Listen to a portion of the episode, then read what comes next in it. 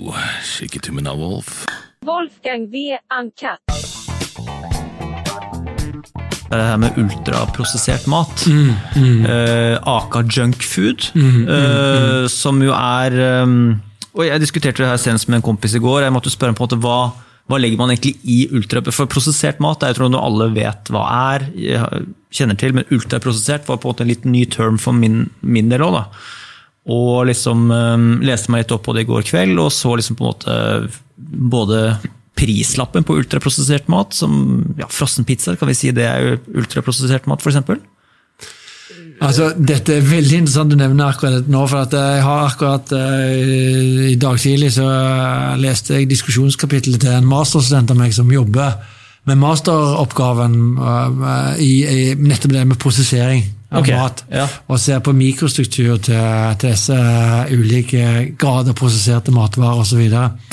det så dette er høyt aktuelt. Nei, altså når det gjelder denne, det, det, er, um, det, det er ikke så veldig um, klart definert. altså Hva, hva det akkurat er? Nei, altså, ja, det er noen definisjoner der ute, men de er alle egentlig veldig ufullstendige og, og, og ikke helt sånn tilfredsstillende. For Det krever veldig god kompetanse i matkjemi for å forstå dette her. Og det er det ikke så mange som har. Um, Jeg kom på et produkt da, som jeg tenkte kunne være sånn, et sånn kroneksempel. Jeg bare, du kjenner til de her fruktsmoothiene som barn eh, får eh, når de er 0-1 år gamle.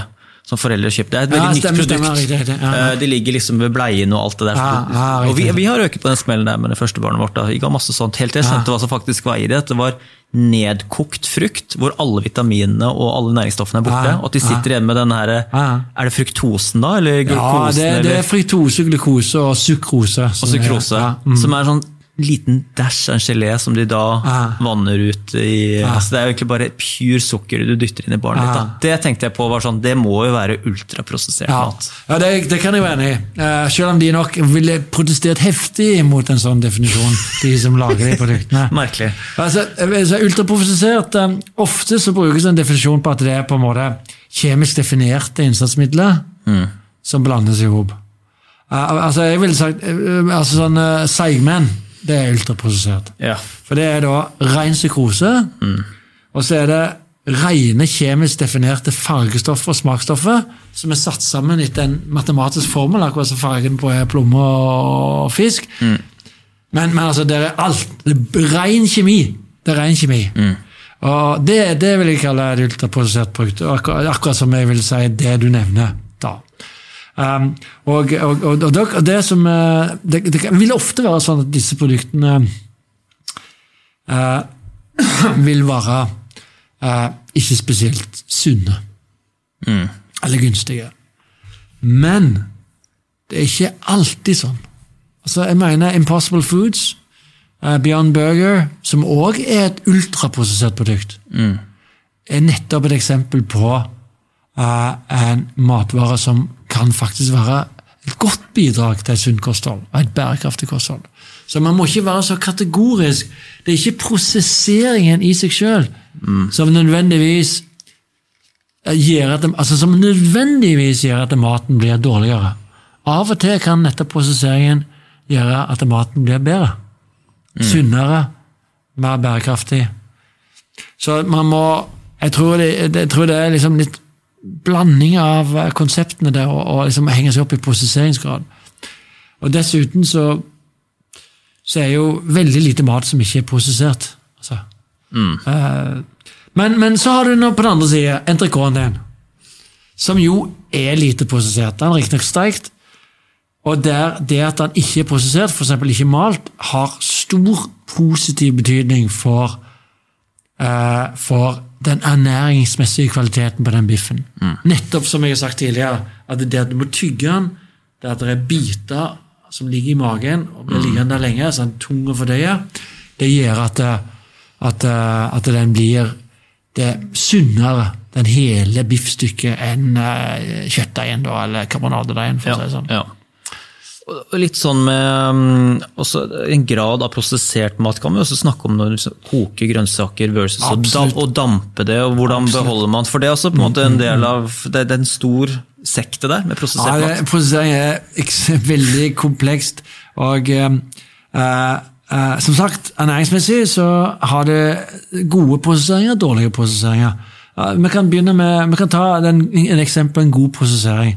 Og det er, hvis, hvis du Koking av potet er en nødvendighet. Eh, og hvis du ikke tror meg, spis eh, fire-fem rå poteter. Og vent i et par timer, så skal du se. Eh, da, da blir der eh, Da får du Fest. diaré og voldsomme flatulens, som det så pent heter. Mm. Fordi rett og slett stivelsen i poteten er nærmest komplett ufordøyelig før den blir varmebehandla. Og det gjelder stivelse generelt, og derfor vil det akkurat skje det samme. Det var derfor ikke sant, Mor mi sa alltid når hun lagde pepperkaker til jul ikke sant, Må ikke spise deigen, da får dere vondt i magen. Ja. Men det er, det er nettopp fordi, Ja. det er nettopp fordi stivelsen ikke ble forkista. Så det er et eksempel på en god prosessering. Mens på, på når det gjelder vitaminer, og ikke minst koking av grønnsaker, og vitamin C og folat, som er to viktige vitaminer i grønnsaker, de blir ødelagt under kokinga. Så de forsvinner. De blir ødelagt, det er ikke noe vitamin igjen. Så det er eksempel på en dårlig prosessering. Maling som gjør at det glir ned uten å bli tygga, f.eks. Som i en smoothie. er dårlig prosessering i forhold til å spise eple. Altså male eple. Men selv om du har hele eplet, om du bruker hele frukten med skall og hele pakka, så Nei, altså, det, det som er problemet, da, det er jo nettopp denne det, Den spisingen. Man må ikke glemme spisingen. Altså Det at du kan helle innpå to epler på ti sekunder med å drikke dem. Mens hvis du skal spise epler For det første så trenger det lengre tid. Husk, mye av matens rolle er jo selve spisingen. Opplevelsen av å spise. Nettopp fordi vi ofte spiser ikke fordi vi er sultne, men fordi vi eh, bruker mat på andre måter. Og så er det større partikler som kommer ned i magen. Det blir liggende lenger i magen når du spiser det hele eplet. Så maling generelt er eh, ofte ikke positivt. Vil kroppen kunne eh, få bedre tid til å hente ut alle næringsstoffene av, eh, av, av oppkutta frukt enn eh, for hvis du lager smoothie av det. Så går det kjappere gjennom systemet da, for at det er en blitt en væske? At ikke den greier å suge Ja. ut alle næringsstoffene? Ja, altså Eller Jeg tror ikke det påvirker fordøyelsen. Men eh, det, maten vil kunne fordøyes fortere om eh, man f.eks. lager en smoothie. Og Dermed så vil f.eks. blodsukkerstigningen være raskere. Sånn at uh, det kan jo være ugunstig. Og det blir mindre metthetseffekt av maten. Altså, det vil jeg si er den største ulempen med en eh, veldig maling av frukt og grønnsaker, f.eks., før man spiser det.